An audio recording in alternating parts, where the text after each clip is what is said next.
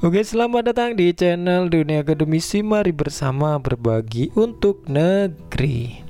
Nah, untuk kali ini kita uh, ada di segmen baru ya. Segmen apa namanya? Podcast Binal. Jadi, podcast bicara soal jurnal.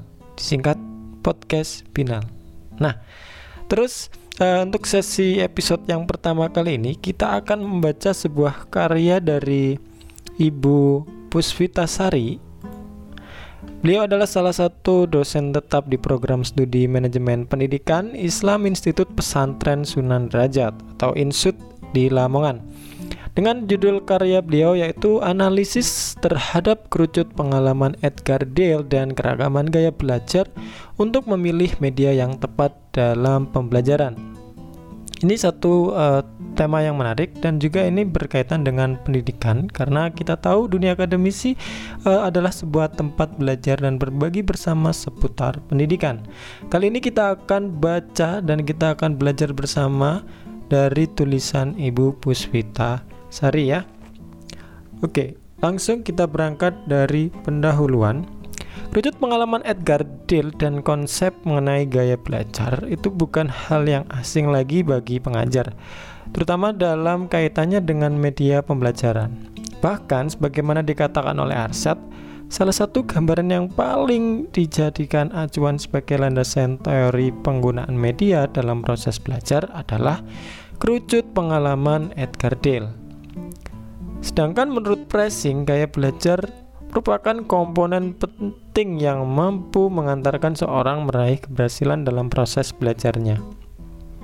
Pengetahuan mengenai gaya belajar dapat membantu para guru menciptakan lingkungan belajar yang bersifat multi indrawi yang melayani sebaik mungkin kebutuhan individual setiap murid.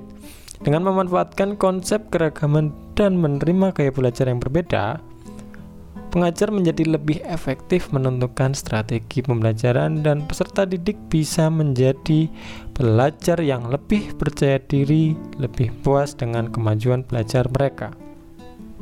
Di dalam menentukan strategi pembelajaran, pengajar menentukan pula media pembelajaran yang dibutuhkan. Dengan begitu, gaya belajar juga menjadi penentu dalam pemilihan media pembelajaran. Secara sekilas, semua memang tampak masuk akal karena dalam seper, uh, dalam proses pembelajaran terjadi komunikasi. Pengajar sebagai komunikator dan peserta didik sebagai komunikan, pengajar menyampaikan pesan kepada peserta didik berupa pengetahuan atau materi pembelajaran, sedangkan peserta didik uh, menerima pesan tersebut dan melakukan proses memahami pesan pembelajaran. Penyampaian materi ini dapat dilakukan langsung maupun menggunakan media pembelajaran.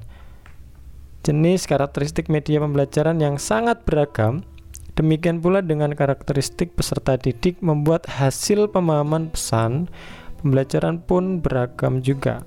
Tingkatan pengalaman pemerolehan hasil belajar digambarkan oleh Dale sebagai suatu proses komunikasi. Namun, Kemudian muncul berbagai pertanyaan tentang kerucut pengalaman ini. Apakah kerucut pengalaman yang dilengkapi dengan prosentase angka tingkat pengalaman seorang dalam menyerap informasi dengan cara beragam itu valid? Benarkah semua orang memiliki hasil yang sama untuk pengalaman yang sama? Bukankah ketika seorang membaca itu juga melihat secara visual? Jika dikaitkan dengan keragaman gaya belajar, tingkat pengalaman itu bisa bertentangan. Misalnya, menurut konsep gaya belajar seorang yang memiliki kecenderungan gaya belajar audio akan lebih mudah menyerap informasi dari media audio dan lebih lama mengingatnya. Maka artinya, tingkat prosentase berbeda dengan mereka yang lebih cenderung bergaya belajar visual. Sehingga satu orang dengan orang lainnya bisa memiliki gambaran kerucut yang berbeda-beda. Dengan begitu, bagaimana kerucut pengalaman Edgar Dale bisa dijadikan acuan? Nah, sementara itu konsep mengenai gaya belajar juga mendapatkan sanggahan.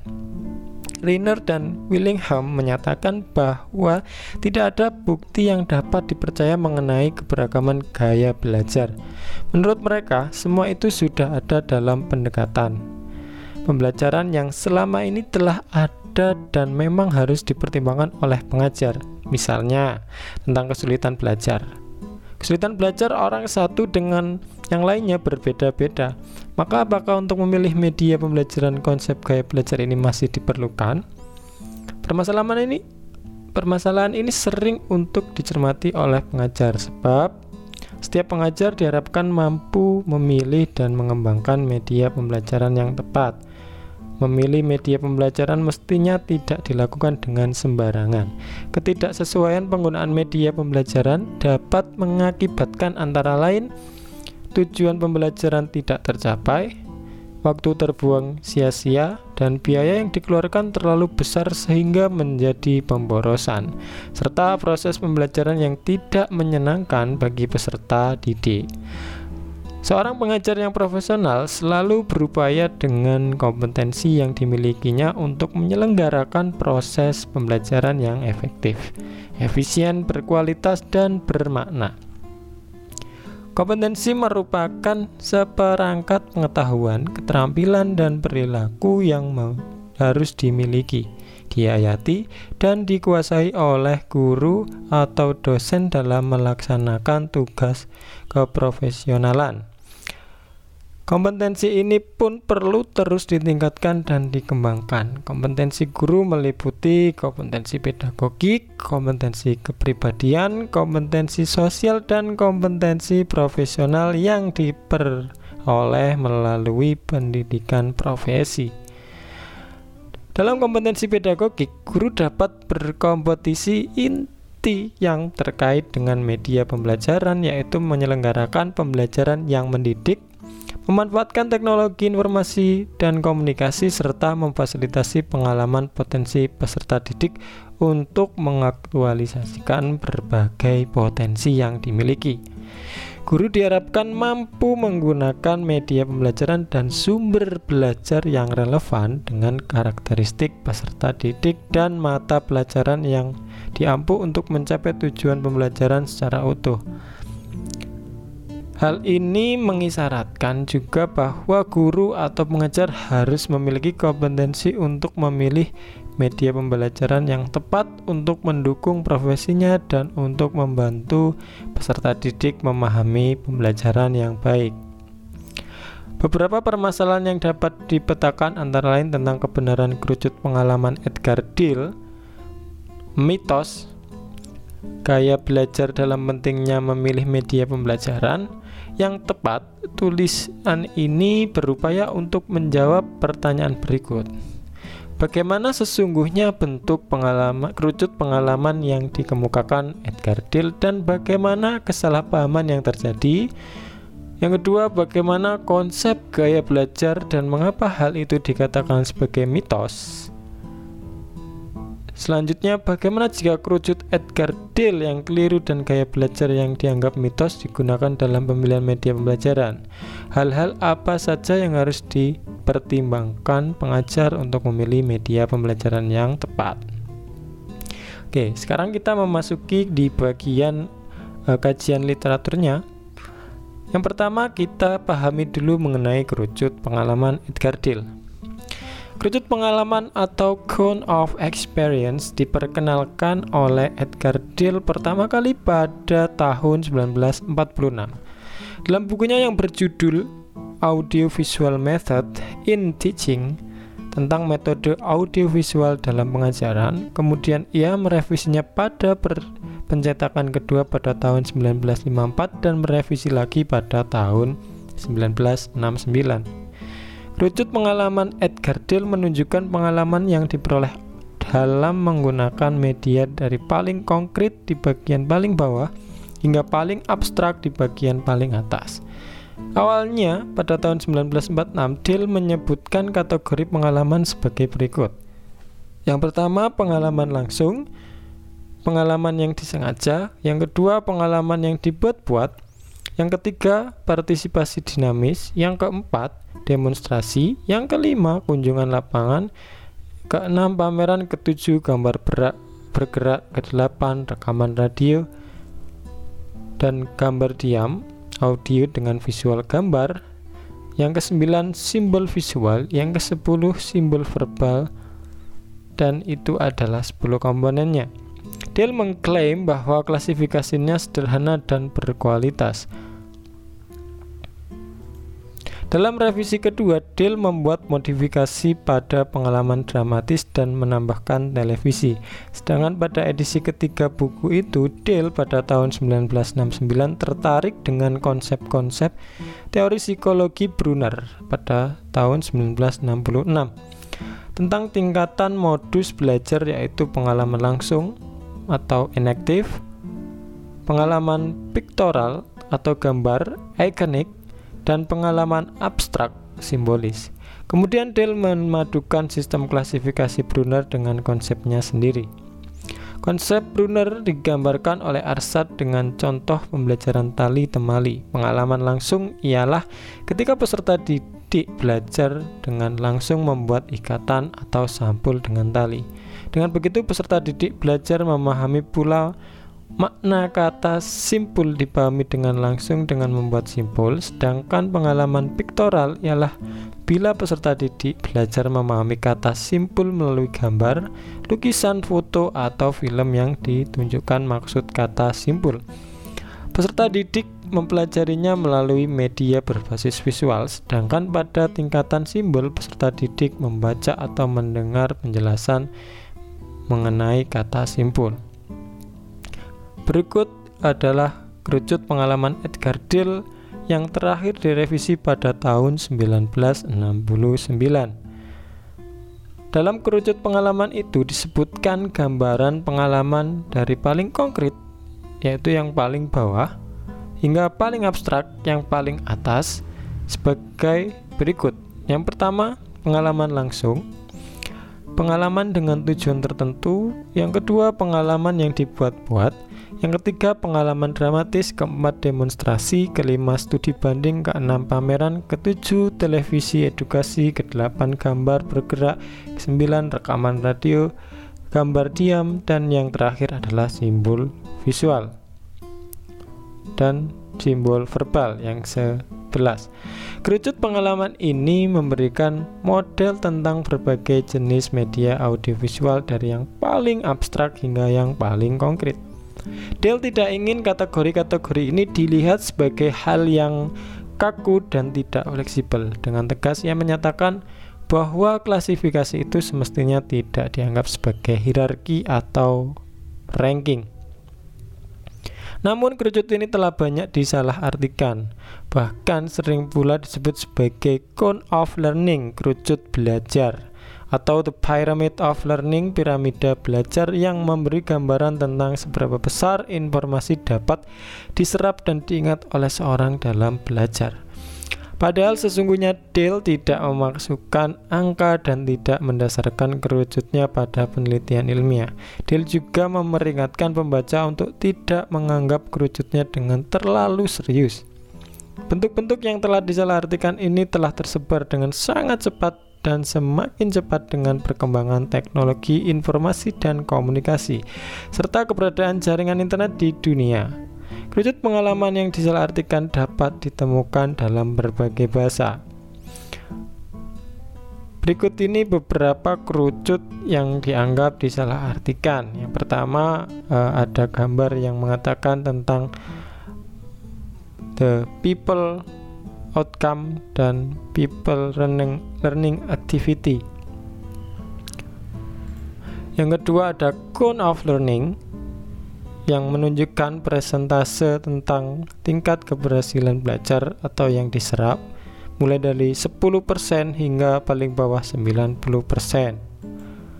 Dari penelusuran yang dilakukan oleh Talheimer, presentasi angka tersebut dipublikasikan pertama kali oleh seorang karyawan mobil oil company Treh Lepada pada tahun 1967 melalui majalah Film and Audiovisual Communication.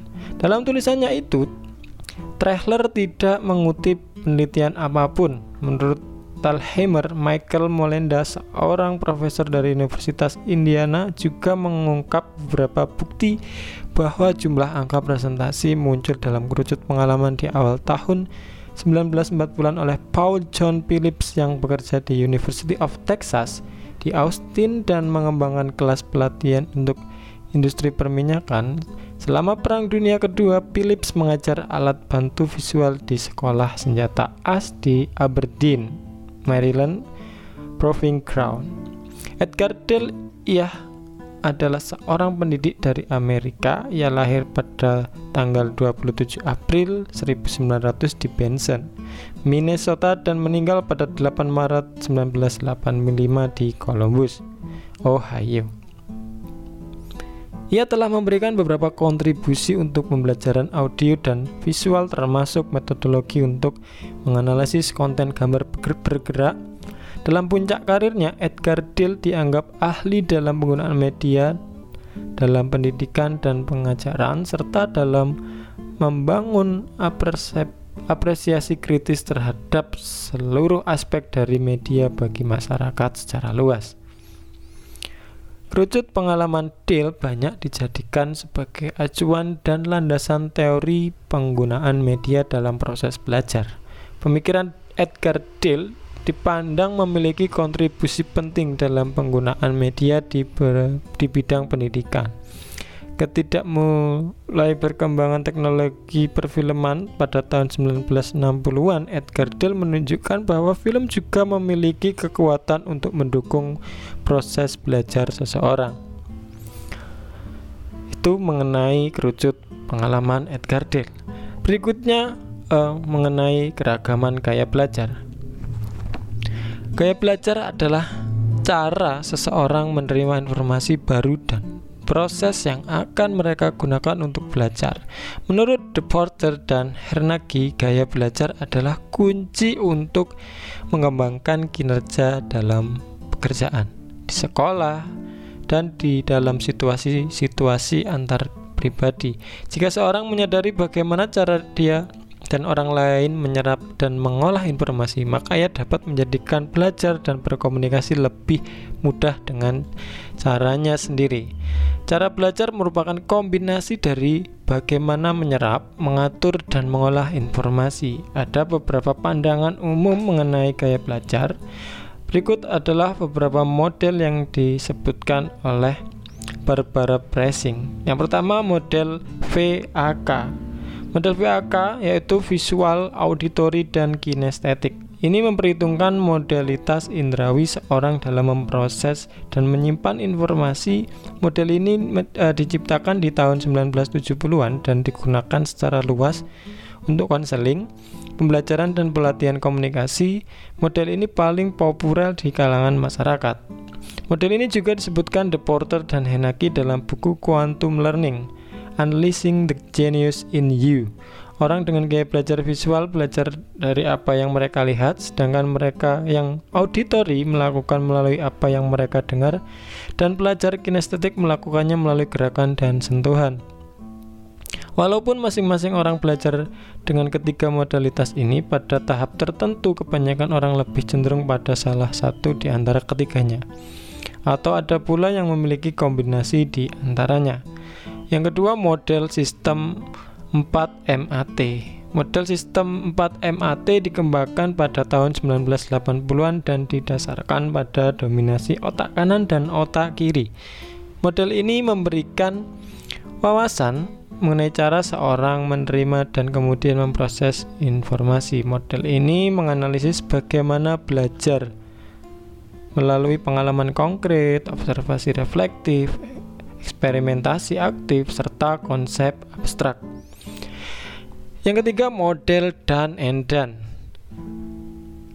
Model ini dikembangkan oleh Rita Stafford Dan dan Kenneth G. Dan sejak akhir 1960-an, mereka mengidentifikasi preferensi-preferensi individu selama berlangsung proses belajar, menemukan banyak variabel dan mempengaruhi cara belajar orang. Variabel tersebut yaitu situasi dan kondisi lingkungan, keadaan emosional, sosiologi, fisik, psikologi yang membutuhkan dapat menerima informasi atau belajar dengan optimal. Yang keempat, model brain quadrants. Model brain quadrant dikembangkan oleh Herman di akhir tahun 1970-an, model ini menjabarkan preferensi-preferensi untuk fungsi mental dan dominasi otak. Dengan model ini, seorang memperkirakan sebagaimana otak kiri dan otak kanan bisa berperan dengan baik untuk memperoleh informasi yang dibutuhkan. Kemudian yang kelima ada Gregor's Energetic Model of Mind Style. Gregor's Energetic Model of Mind Style diciptakan pertengahan tahun 1970-an. Model ini menyajikan cara terorganisasi untuk mempertimbangkan pengalaman pikiran bekerja. Yang keenam, yang keenam ada model Working Style Analysis. Model Working Style Analysis ini didasarkan pada model yang dikembangkan Dan and Dan. Model ini diciptakan Pressing bersama Dan and Dan pada tahun 1933. Konsep yang dikemukakan dalam model ini ialah menyadari keragaman dalam proses belajar, berlatih, dan bekerja. Learning Style Analysis atau LSA. Caranya yaitu dengan mengamati variabel-variabel yang mempengaruhi seorang dalam belajar, antara lain bagaimana dominasi otak kanan atau kiri, modalitas indrawi, kebutuhan fisik, lingkungan, sosial, dan sikap. Mengenai kondisi lingkungan, seorang dapat mengukur sebagaimana suara, cahaya, suhu, wilayah, kerja yang paling nyaman untuk belajar. Sedangkan untuk e, mengelompokkan sosial, LSA merupakan mengetahui apakah seorang nyaman belajar sendiri, berpasangan dengan teman sebaya, dengan tim, atau dengan orang yang dianggap memiliki otoritas, misalnya guru atau orang tua. Dalam hal sikap, seorang memperhitungkan motivasi, ketekunan, penyesuaian struktur, dan variasi. Bagaimana ia mendapatkan motivasi yang cukup untuk mengoptimalkan belajarnya? Apakah ia termasuk orang yang tekun? atau bidang apa yang belajar melalui aktivitas yang bermacam-macam apakah ia membutuhkan belajar secara rutin, konsisten atau membutuhkan banyak variasi metode belajar. Hasil dari analisis gaya belajar bisa digunakan oleh individu untuk melakukan proses belajar yang sesuai dengan gayanya. Di sini, di sisi lain, hasil ini bermanfaat bagi orang tua agar menyadari gaya belajar anaknya. Sedangkan bagi guru dan sekolah, pengetahuan mengetahui gaya belajar peserta didik diharapkan dapat mendorong penyelenggaraan proses belajar yang sesuai dengan gaya belajar peserta didik agar kemampuan dan hasil belajarnya bisa diraih dengan optimal. Konsep tentang gaya belajar ini tampak begitu meyakinkan dan teruji kebenarannya. Namun beberapa kejanggalan menunjukkan bahwa konsep itu adalah mitos. Bahkan Rainer dan Willingham menyatakan bahwa tidak ada bukti yang dapat dipercaya bahwa gaya belajar itu ada. Beberapa klaim konsep gaya belajar terbantahkan dengan teori-teori dan pendekatan dalam pembelajaran yang ada, sehingga mencari tahu mengenai gaya belajar diri sendiri ataupun peserta didik bisa menjadi tindakan yang membuang waktu saja. Klaim yang pertama, konsep gaya belajar menyatakan bahwa setiap pembelajar berbeda satu sama lain. Perbedaan-perbedaan ini mempengaruhi kinerja mereka dan para guru seharusnya memperhitungkan perbedaan-perbedaan ini. Semua pengajar memandang itu benar dan penting. Namun ada hal yang lebih utama yang harus dipertimbangkan. Pertama ialah bakat, kemampuan atau kecerdasan mereka yang berbeda dalam kapasitas mereka untuk belajar dalam materi yang berbeda-beda. Kedua, kemampuan dan minat belajar siswa yang berbeda-beda. Seorang bisa lebih senang dan memiliki minat yang tinggi dalam hal musik, sementara yang lainnya tertarik dalam hal olahraga atau bidang lainnya. Ketiga, peserta didik atau pembelajar berbeda latar belakang pengetahuan dan perbedaan itu mempengaruhi mereka dalam belajar. Keempat, beberapa siswa memiliki kesulitan atau ketidakmampuan belajar tertentu, dan ini mempengaruhi pembelajaran mereka dengan cara tertentu. Klaim berikutnya ialah bahwa belajar memiliki preferensi tentang caranya untuk belajar yang tidak tergantung pada kemampuan dan konten dan memiliki implikasi yang bermakna bagi pembelajaran mereka. Klaim ini menjadi sangat janggal ketika dikaitkan dengan pertanyaan apakah kita bisa menjawab cara kita belajar tanpa mengetahui materi apa dan tujuan belajar seperti apa yang ingin dicapai. Kemudian mengenai penggunaan media pembelajaran, apakah perlu pengajar mencari gaya belajar peserta didik ketika yang digunakan ialah multimedia?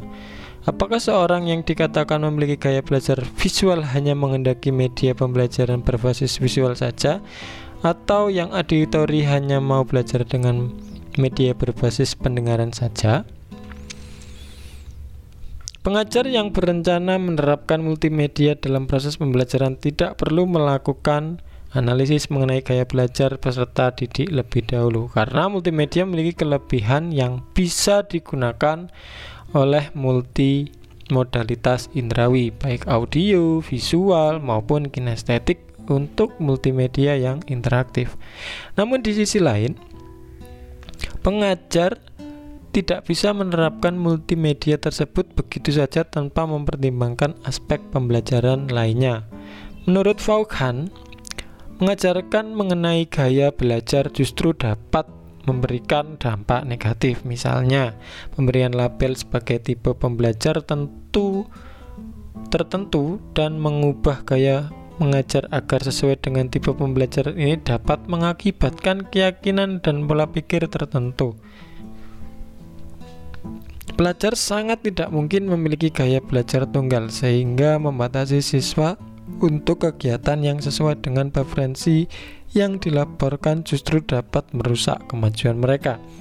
Di sisi lain, studi tentang kegiatan mengajar dan tujuan pembelajaran dan peserta didik tentu berdasarkan gaya belajar yang diidentifikasi, belum secara meyakinkan menunjukkan manfaat, terutama untuk peserta didik dengan kemampuan yang kurang.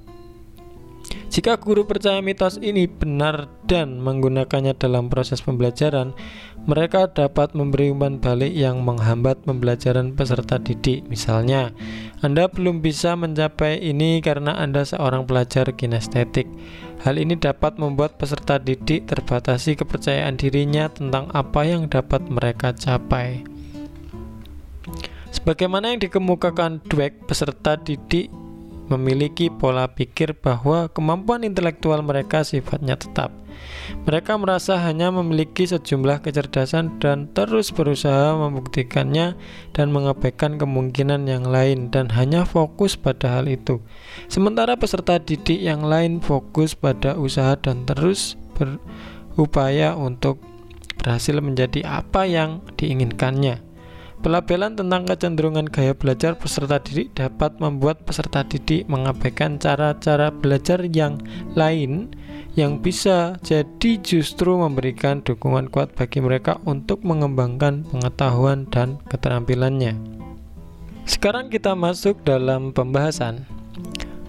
Dalam proses pembelajaran, seorang pengajar memiliki tantangan yang besar dalam menghadirkan proses pembelajaran yang berkualitas sekaligus efektif dan efisien untuk mencapai tujuan pembelajaran serta menyenangkan dan bermakna bagi peserta didik.